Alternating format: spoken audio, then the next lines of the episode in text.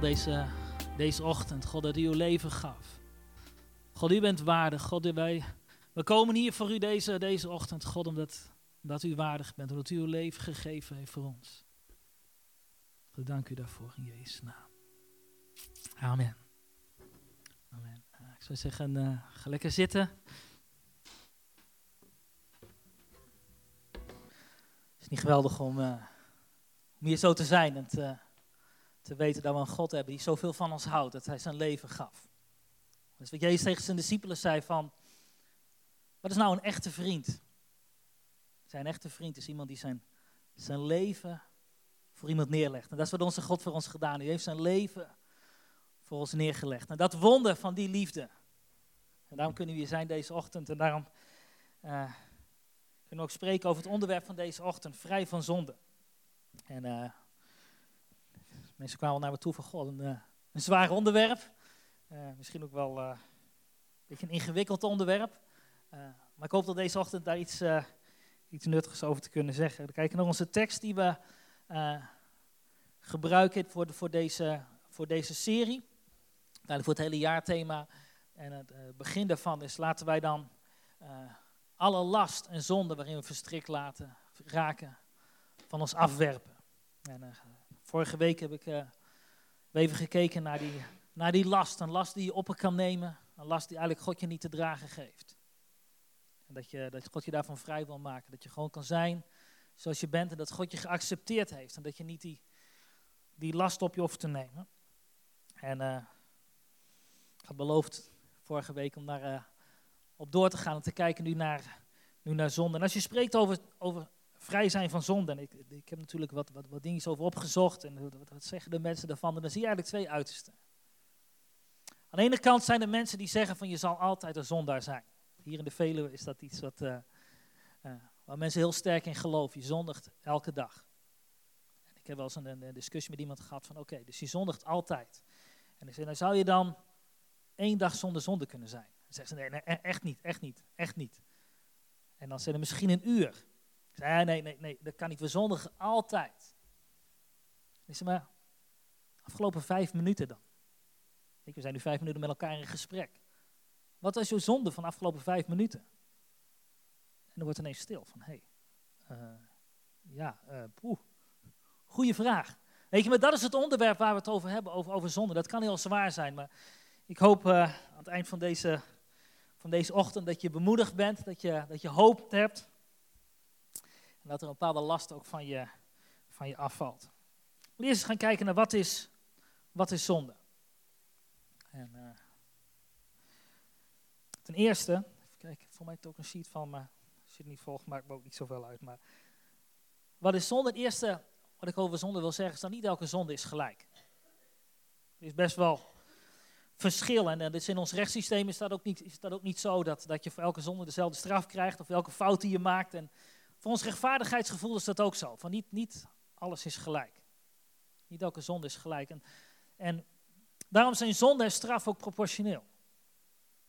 En ik, ik geloof zelfs niet dat voor God elke zonde gelijk is. Ik weet dat er mensen zijn die, die, dat, die dat heel sterk geloven. Ze zeggen, ja, voor God is een zonde is een zonde. Wat je voor zonde je ook gedaan hebt, dat maakt allemaal niet, niet zoveel uit. Maar toch Zie je Romeinen 6, vers 23 uh, zegt het loon van de zonde is de dood. Maar die, kennen mensen vaak wel.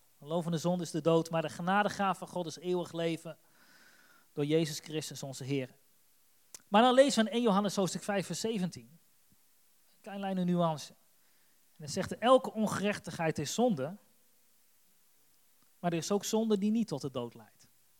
Er zijn zonden die een halszaak zijn, zoals wij dat in het Nederlands zouden zeggen.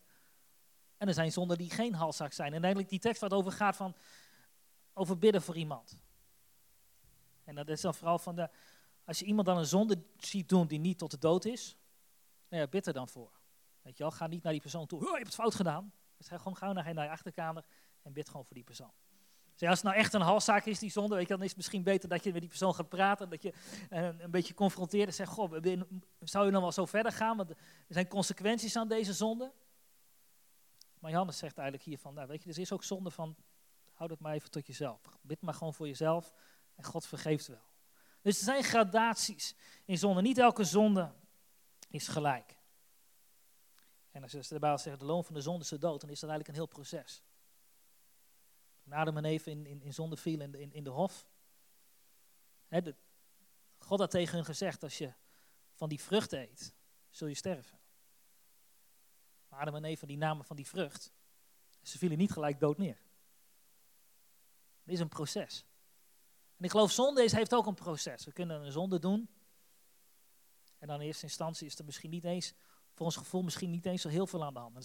Zonde is zonde, begrijp ik.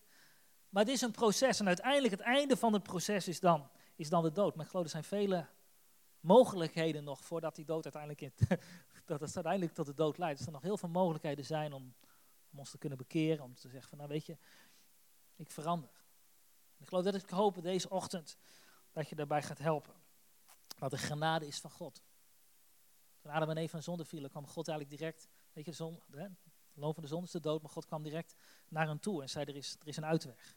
En ik geloof dat is deze ochtend ook de boodschap, dat al, is er zonde, er is altijd een uitweg bij God. En dan zien we eigenlijk in de, in de Bijbel dat er verschillende begrippen en concepten voor zonde eigenlijk genoemd worden. Het eerste is, uh, het tweede eigenlijk, uh, of het eerste concept is, zonde is een, is een overtreding. Eigenlijk heel simpel. In Johannes 3 vers 4, ieder die zonde doet, doet ook de wetteloosheid, want zonde is wetteloosheid. De nieuwe Bijbelvertaling zegt erover, ieder die zondigt overtreedt Gods wet. Want zondigen is Gods wet overtreden. Dat is hoe wij over het algemeen zonde zien. Je doet een zonde, waarom? Omdat je een wet overtreden hebt. En zo werkt dat in ons rechtssysteem. Je hebt iets fout gedaan en dan maakt het niet uit wat het is. Dit is de regel. En als je die overtreedt, ja, jammer, pech. Als jij met je auto te hard gereden hebt en er komt uiteindelijk komt er zo'n briefje van de CIB, zo'n mooie paarse envelop, dan weet je, ja, dat klopt. Ik heb te hard gereden. En dan kun je hem heel moeilijk doen over allerlei bezwaarschriften indienen en hopen dat die boete niet doorgaat. Maar je weet, ik heb te hard gereden. En dan betaal je daar de prijs voor. En dat is vervelend. En sommigen noemen dat een, uh, een, een belasting op, op, op haast. Uh, maar ja, fout is fout. En daar doe je niet zoveel aan. Heel simpel en heel makkelijk. Maar als je in de Bijbel kijkt naar zonde, is dat niet zo heel simpel. Er is ook nog een ander begrip. En dat, uh, dat is zonde, is je doel missen. Dus eigenlijk als je kijkt naar de, het woord wat in de Bijbel het meest voor zonde wordt gebruikt, dan is dat je doel missen. En als je dan kijkt naar het Oude Testamentische woord, dan is dat het woord shatta in het Hebreeuws.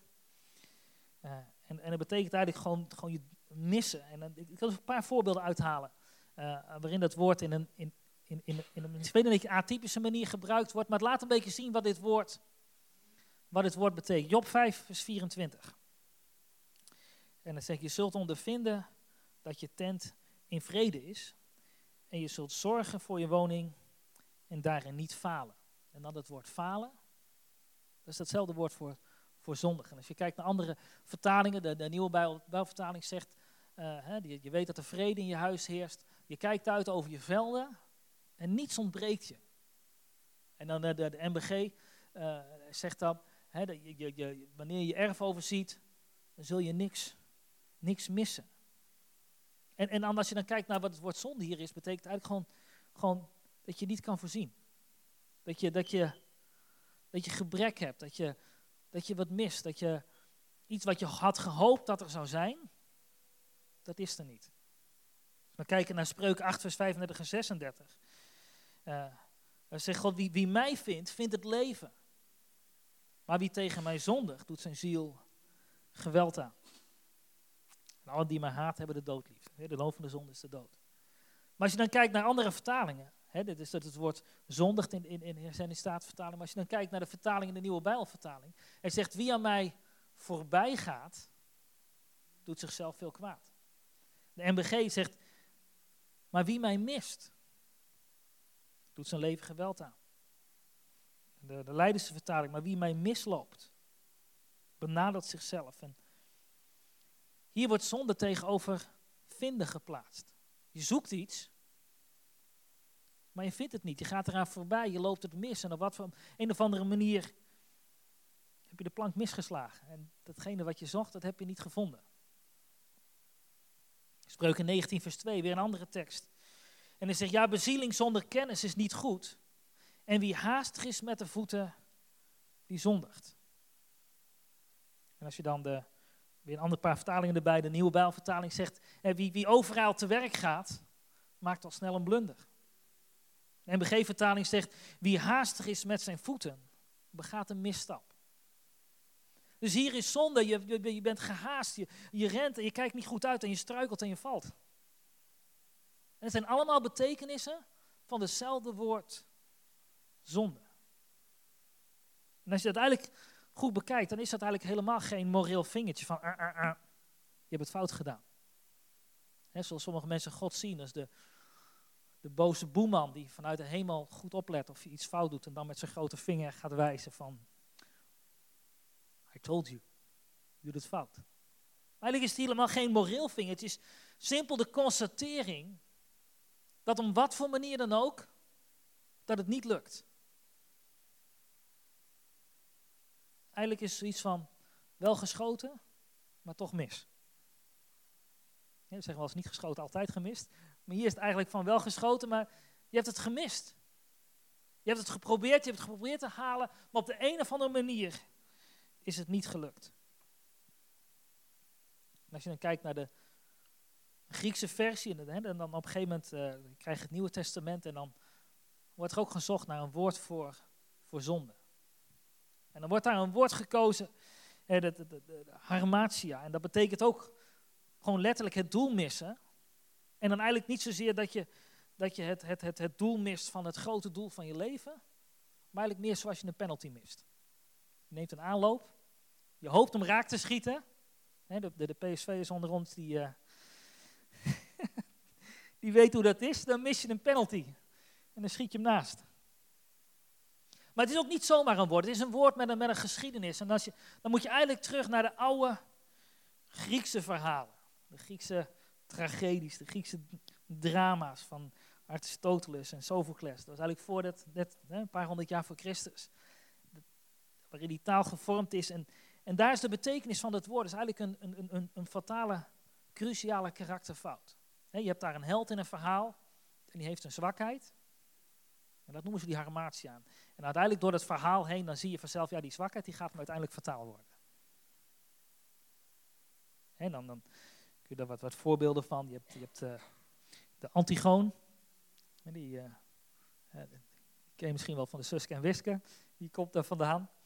De, dan weet je wel wat zijn, wat zijn karakterfout was. Hè, maar het spreekt bijvoorbeeld ook over, uh, over de hiel de, de, de, de, de, Achilleshiel van Achilles. die was, uh, dat was zijn zwakke plek. En eigenlijk, dan is het niet zozeer of het nou eigen schuld is of niet. Maar er is dat gedeelte in jouw leven, of nou in je karakter is, wat uiteindelijk het gevaar is waar je daardoor gaat vallen. En die, dat, dat woord wordt gebruikt voor zonde. En ik geloof dat zit allemaal in onze natuur. We hebben allemaal van binnen iets wat wat zwak is. En ik denk dat we allemaal eerlijk zijn dat we wel weten van ja, dit is mijn zwakke plek. Dit is mijn Achilleshiel. Dit is mijn harmatia. Dit is mijn, mijn zonde. He, wel, en als je dan de Bijbel kijkt, dan heb je Adam en Eva die verleid werden in de hof. Je hebt Sinson, die, he, die is zijn zwak voor, voor Filistijnse vrouwen. Esau, die had, was honger, hongerig. En die zegt, geef mij van dat, van het rode, dat rode daar. En de verkoop van eerste geboorterecht. Ik kan denken aan Saul. Saul die opkeek. Hè? Die, hij was groot, maar hij keek eigenlijk op naar de mensen. En was eigenlijk een beetje bang om, om, om, om, om de plaats in te nemen die, die God voor hem had als koning. David die verleid werd door Bathseba. Jona die niet naar Nineveh willen gaan. Er zijn allemaal van die mensen die staan bekend, juist vanwege die fout die ze maakten. En we zien ook het Nieuwe Testament, zien we Judas die, die Jezus verraadt. Maar ook Petrus, waar we vorige week naar gekeken hebben, die, die Jezus verlogende. Die zegt, ik ken die man niet. Maar we zien eigenlijk dat we hebben allemaal zo, zo'n zwakke plek. Zo'n harmatie in ons leven.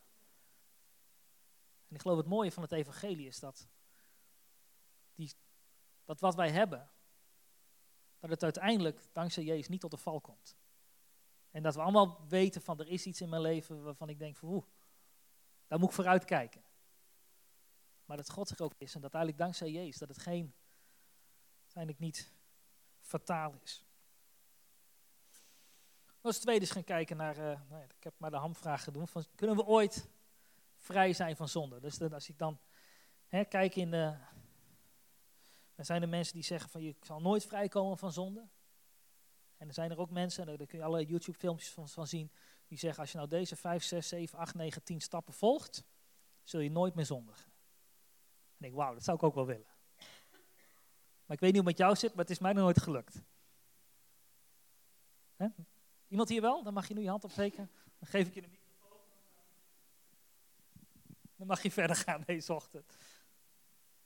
Nee, maar als je de Bijbel kijkt, dan, dan zijn het een beetje tegenstrijdige signalen. In Johannes 1, vers 8 tot 10. Het zegt, als wij zeggen dat we geen zonde hebben, misleiden we onszelf. Dan is de waarheid niet in ons.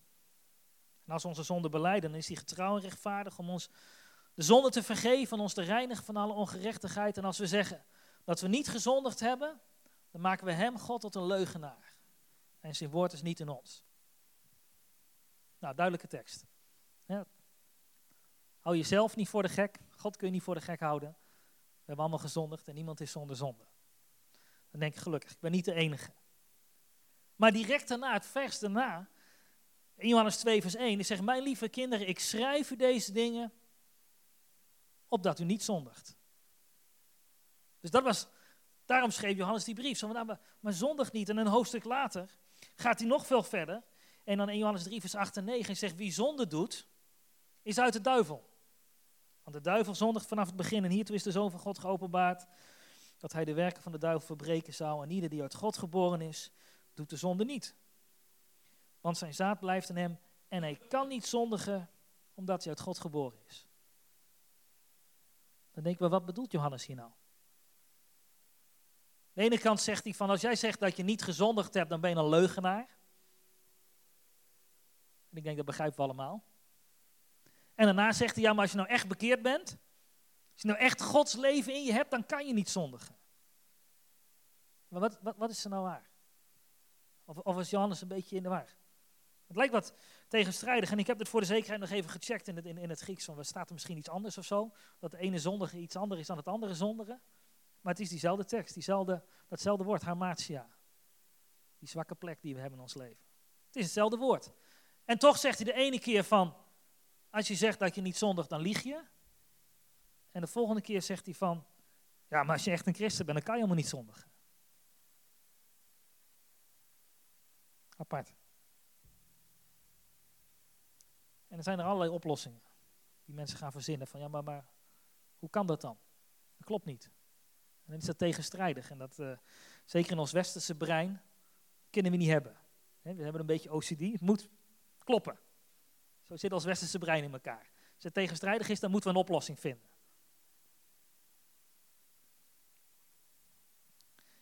Een van, de, een van de oplossingen die dan daarvoor gezonden is, ja, maar dit gaat over verschillende gradaties van zonde. Die eerste tekst, hè, wanneer, hè, de, of waar ik die, die, die, die, die, twee, die, ja, die eerste tekst, hè, dat is, wij als christenen, we, we, we, proberen het wel en, en, we vechten tegen de zonde en, en meestal gaat het goed, maar zo nu en dan dan struikelen we een keer. En, en, en daar, daarvoor kunnen we vergeving vragen en zo. Dus dat, en dan die tweede tekst, hè, dat gaat dan over zonde doen. En dan, uh, dan zeggen ze dat is moedwillig en volhardend en dat is tegen beter weten in en dat is herhaaldelijk en opzettelijk. En ze ja, maar als christen kunnen we dat niet doen. En dan maakt ze op die manier maakt ze onderscheid. Dus de ene kant, aan de ene kant per ongeluk een keer iets fout doen. Ja, dat doen we wel. Maar opzettelijk, dat doen we niet meer. En, dat, er zit best een, een kern waarheid in, denk ik. Maar persoonlijk vind ik dat best nog wel lastig. Christenen kunnen ook nog wel eens heel koppig zijn in zonde, of niet? Zou er dan geen hoop meer zijn voor ons? Ja, als jij een keer opzettelijk gezondigd hebt, tegen beter weten in, misschien nog wel herhaaldelijk, uh, ja, dan, dan ben je geen christen. En, en voor heel veel christenen is dat de crux van zonde. Ja, maar als ik dan zondig ben ik dan nog wel een christen? En, en, houdt God dan wel nog wel van mij? En, en, en, ga ik dan nog wel in de hemel?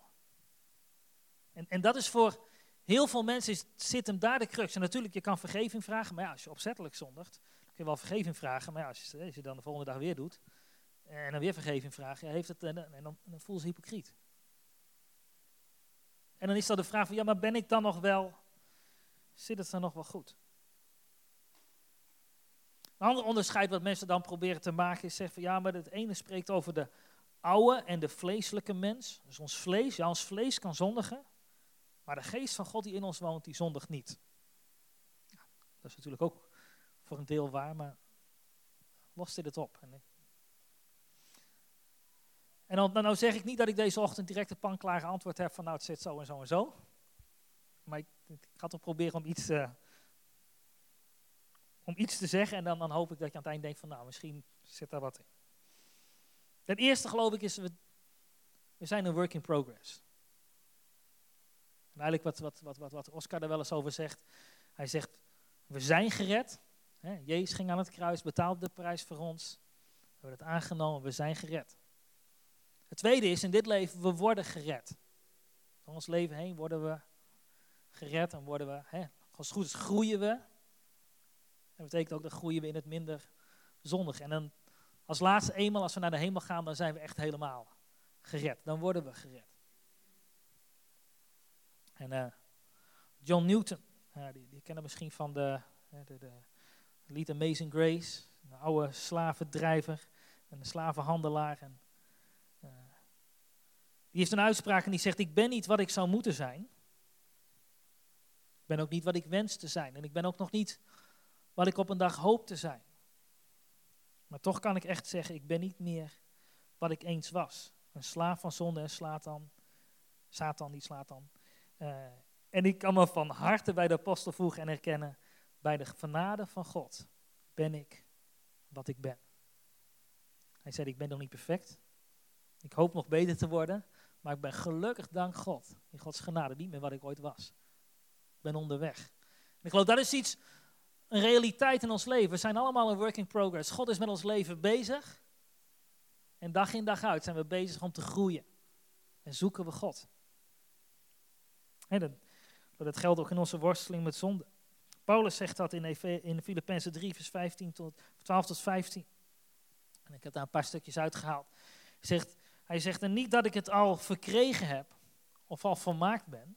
Hè? Maar ik jaag ernaar om het ook te grijpen. Broeders, ik denk niet dat ik het gegrepen heb, maar één ding doe ik, is vergeet wat achter me ligt. Ik strek me uit naar wat voor me ligt en ik jaag naar het doel.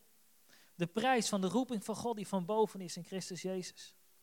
Laten wij dan, die geestelijk volwassen, of eigenlijk gebruikt hetzelfde woord als in het begin, in het MBG vertaalt dat. Ik zeg, laten wij die volmaakt zijn. Ook deze gezindheid hebben. En Paulus zegt hier ook, van ik ben, ben nog niet volmaakt.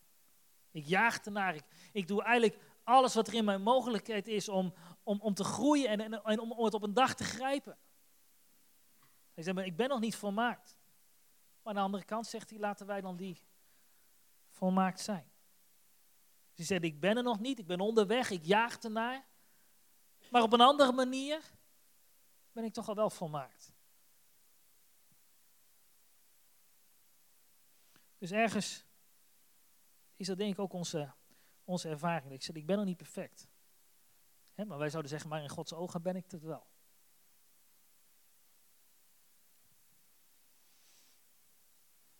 We gaan naar een andere poging kijken om uh, nog een andere uitleg te proberen. En dat komt duidelijk terug op die andere betekenis uh, van zonde, het overtreden van een wet.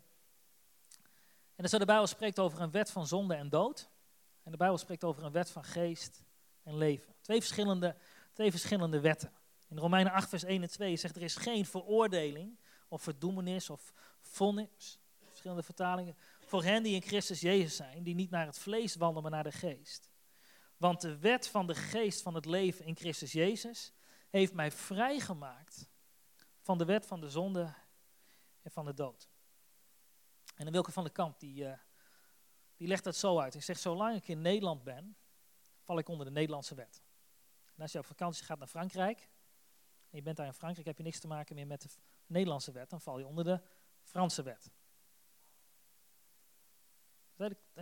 Dus als je van koninkrijk naar koninkrijk, van land naar land gaat, dan verandert daarmee ook de wetten van het land. En die zegt als christen zijn we overgegaan van het koninkrijk van de duisternis naar het koninkrijk van het licht. En in het koninkrijk van de duisternis, daar geldt die wet van zonde en dood. Maar in het koninkrijk van het licht geldt de wet van geest en leven. En ik geloof heel veel christenen zijn, zijn overgegaan van de duisternis in het licht. Maar beseffen niet dat er nu ook een andere wet is.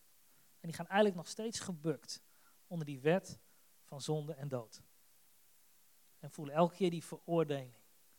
Van ja, maar ik doe het fout. Vanwege die wet van zonde en dood. En dat, dat overheerste. En dan, en dan, als we kijken naar Romeinen hoofdstuk 7, en, voor een beetje Calvinisten onder ons, die, die herkennen die tekst. is die tekst waarin Paulus zegt, ja, ik probeer het goede te doen, maar als ik het goede dan doe, dan is het slechte is daar ook. En dan, en dan probeer ik het wel, maar dan lukt het niet. En dan, en dan zegt oh, ik zit vast in de zonde. Dat is het beeld wat mensen hebben van Romein hoofdstuk 7. Maar die begint eigenlijk heel anders. Romeinen 7 vers 1. Zegt hij, of broeders weten niet, ik spreek tot mensen die de wet kennen. Als goede Jood, Paulus, kende de wet. Hij zegt maar dat de wet over de mens heerst zolang hij leeft. Dus als je dood bent, dat weten we allemaal, dan doet de wet niks meer. Maar dan legt hij dat uit en dan spreekt over dat wij, dat wij dood zijn in onszelf, maar dat we gekocht zijn met Jezus, zijn opgestaan in een nieuw leven. Vers 4. Zijn zo mijn broeders. Bent u ook door het lichaam van Christus gedood met betrekking tot de wet. Opdat u aan een ander zou toebehoren, namelijk aan hem die uit de doden opgewekt is, opdat wij vrucht zouden dragen voor God. Want toen we in het vlees waren, de oude, oude mens, voordat we christen werden, toen we in het vlees waren, waren de hartstocht van onze zonden, die geprikkeld werden door de wet, in onze leden werkzaam om vrucht te dragen voor de dood. Maar nu zijn wij ontslagen van de wet, gestorven aan dat waaraan wij vastgebonden zaten, zodat wij in nieuwheid van geest dienen en niet in oudheid van letter. Hij zegt, wij zijn gestorven aan die oude wet. Die geldt niet meer voor ons. We zijn er ontslagen. Oké, dus die oude wet, die geldt niet meer nu we overgegaan zijn naar een nieuw koninkrijk. Wil niet zeggen dat er helemaal geen wet meer is, want er is een wet van geest en leven. Maar er is geen wet die ons veroordeelt. He, we de, vorige week, en, en, en Korstian er ook al over sprak, is er is een, nieuwe wet. En de Bijbel zegt als wij lief hebben, he, dus eigenlijk waar die wet over gaat, als de geest van God ons dringt om, om elkaar lief te hebben, dan, dan is die wet daar nergens voor nodig. En dat spreekt dan over relatie, hebben we vorige week ook gezien. Als je in een relatie met wetten gaat werken, dan werkt dat niet. Er moet vertrouwen en liefde zijn geen veroordeling. De Bijbel zegt ook dat, dat liefde bedekt vele zonden. We leven nu niet meer onder de wet van zonde en dood. Maar we leven onder de wet van geest en leven. Zijn we niet blij mee deze ochtend? We leven onder de wet van geest en leven. De nieuwheid van de geest. Niet meer de wetter, de letter van de, van de wet. De regeltjes. Dit moet je allemaal doen. En dat allemaal heel goed moet weten. En, de, uh, Theo waren in Israël, die stelden net de 600, meer dan 671? 671 wetten waar ze zich allemaal moesten, moesten houden. Huh? 31, 601, valt mee. 631 van die wetjes. en die moest je allemaal uit hun hoofd weten. en als je het niet deed, dan was het goed fout. Goed fout. maar het is niet meer de wetten van de, de geest die ons overtuigen. Die kunnen we kunnen volgen in liefde. Dus laatst heel even kort kijken naar wat praktische stappen. En want ik geloof, we zijn work in progress en we, we, worstelen allemaal tegen zonde en we weten, we hoeven ons niet meer aan die, die letter van de wet, we kunnen in liefde en een relatie met God leven. maar toch weten we in ons, in ons geweten, in ons, dat we het ook nog wel eens fout doen. En wat als we dan fout doen? En wat als we dan zondigen? Wat dan te doen en niet te doen? Kijken naar een paar dingen die je niet moet doen en een paar dingen die je wel moet doen en dan uh, wil ik afsluiten deze ochtend. eerste wat je niet moet doen, is heel erg focussen op goed en fout. Er was een tijd in mijn leven dat alles zwart-wit was. Dan deed iemand dat zonde of geen zonde. Goed of fout. En zo leefde ik. Zegen, vloek. Hemel, hel. Dat was heel zwart-wit, dacht ik. En, en dat is eigenlijk wat, wat, wat, wat de wet doet. En we hebben het al net, net gezien en gelezen. We zijn niet meer onder die wet. Maar de, om de wet van geest te leven, de wet van liefde. Dus focus je niet op wat. Als je kinderen zegt van dit mag je niet doen. Het eerste wat ze doen is dat ze het wel doen. Maar het zit ook een beetje in ons. Dat is een uitdaging. Oh, dat mag niet. Oh. Dus focus niet op goed en fout. Het tweede wat we niet moeten doen is, moeten niet opgeven. Geef niet op in je, in, worsteling tegen een bepaalde zonde. Geef niet op, want God geeft ons ook niet op. God is nog niet klaar met ons en wij zijn nog lang niet klaar met God. Geef niet op. Psalm 30 vers 6 zegt, een ogenblik duurt misschien zijn toorn, maar een leven lang zijn goedsgunstigheid. God blijft met je doorgaan. En soms is hij even boos op je, hè, als je het fout gedaan hebt, hè, maar dat duurt maar even. En daarna gaat hij weer verder in zijn liefde en zijn goedgunstigheid. Het derde wat we niet moeten doen is, blijf niet in veroordeling hangen. we kunnen wel eens dat raar idee hebben dat hoe, hoe donkerder gezicht we trekken, hoe, hoe moeilijker we kijken, hè, dat we God heel erg laten zien dat we ontzettend spijt van hebben. En dat we echt gebukt moeten gaan onder de zonde. En dat hoe, hoe triester en hoe gebukter en hoe meer we in het zwart gaan, dat God daar op de een of andere manier blij mee is. En we gaan niet gebukt onder veroordeling. De Bijbel zegt, we hebben vrijmoedigheid. Om naar Gods troon te gaan en vergeving te krijgen. Vierde wat we niet moeten doen is probeer niet te compenseren. Dat betekent als ik iets fout gedaan heb, dan moet ik daar iets heel goeds tegenover zetten. Dat je denkt als een soort weegschaal. Van ja, maar, ik heb gezondigd, dat is nou drie dagen vast, dan is het weer goed. Weet je wel, of ik heb iets fout gedaan. Als ik nou uh, wat meer in de collecte doe, dan is het weer goed. Probeer niet te compenseren. God is daar niet van onder de indruk. Probeer niet te compenseren. En vijf, dat we niet moeten doen, maak geen beloftes die je niet waar kan maken. We allemaal gedaan. Zeg, God, ik, van nu doe ik dit nooit meer. Zeg, God, ik ga vanaf nu ga ik elke ochtend om vier uur opstaan, ga ik bidden. Dat doe je één keer, twee keer. Dan ligt het bed toch te lekker, of niet? Dus maak geen beloftes die je niet waar kan maken. Als jij er wel kan, prima, God zegen. Uh, maar mij lukt het niet. Een paar dingen die je wel moet doen. Als je gezondigd hebt. Wat je misschien kan helpen. Het eerste is, beleid je zonde. En beleiden betekent eigenlijk hetzelfde zeggen als letterlijk. Eigenlijk betekent dat je het met God eens bent. En dat je naar God toe gaat en zegt, God, sorry, ik heb spijt. Weet je, God heeft ook verdriet over zonde. Weet je, niet zozeer vanuit een boosheid soms ook wel, maar, ook God weet wat, het, wat zonde doet. En dat wat het kapot maakt in ons leven, in, in de relatie die we hebben met andere mensen. Zijn beleid is zonde. Wees daar open en eerlijk en, en transparant toe, in. Weet je blijf met God in contact. Weet je soms kan, en wel eens even, ik heb gezondigd, ik kan nu even niet met God praten. Ik kan nu even niet bidden, want uh, God wil mij waarschijnlijk niet zien. En 1 Johannes 1 vers 9, de tekst al gelezen. Wanneer wij onze zonde beleiden, hij is getrouw en rechtvaardig. Je zegt, oeh, God is getrouw en rechtvaardig. Nee, getrouw en rechtvaardig om onze zonde te vergeven. Weet je, wij denken aan een God die rechtvaardig is. En oeh, nee, God is getrouw en rechtvaardig om ons te vergeven. Dat is ook onderdeel van zijn rechtvaardigheid. Dat hij ons vergeeft. En ons te reinigen van alle ongerechtigheid tweede wat ik geloof wat we moeten doen is dat we vergeving moeten accepteren.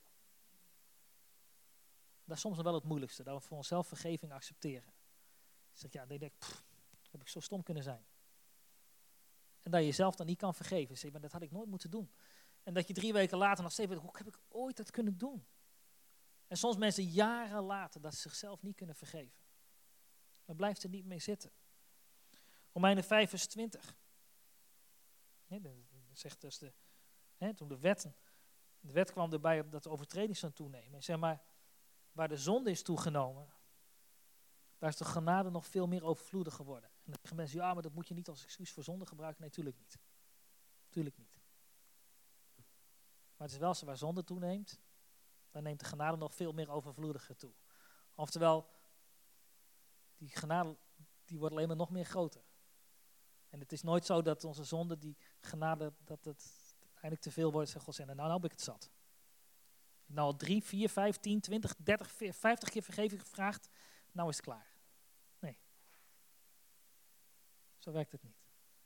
Zeg, waar de zonde toeneemt, dan neemt de genade nog veel overvloediger toe.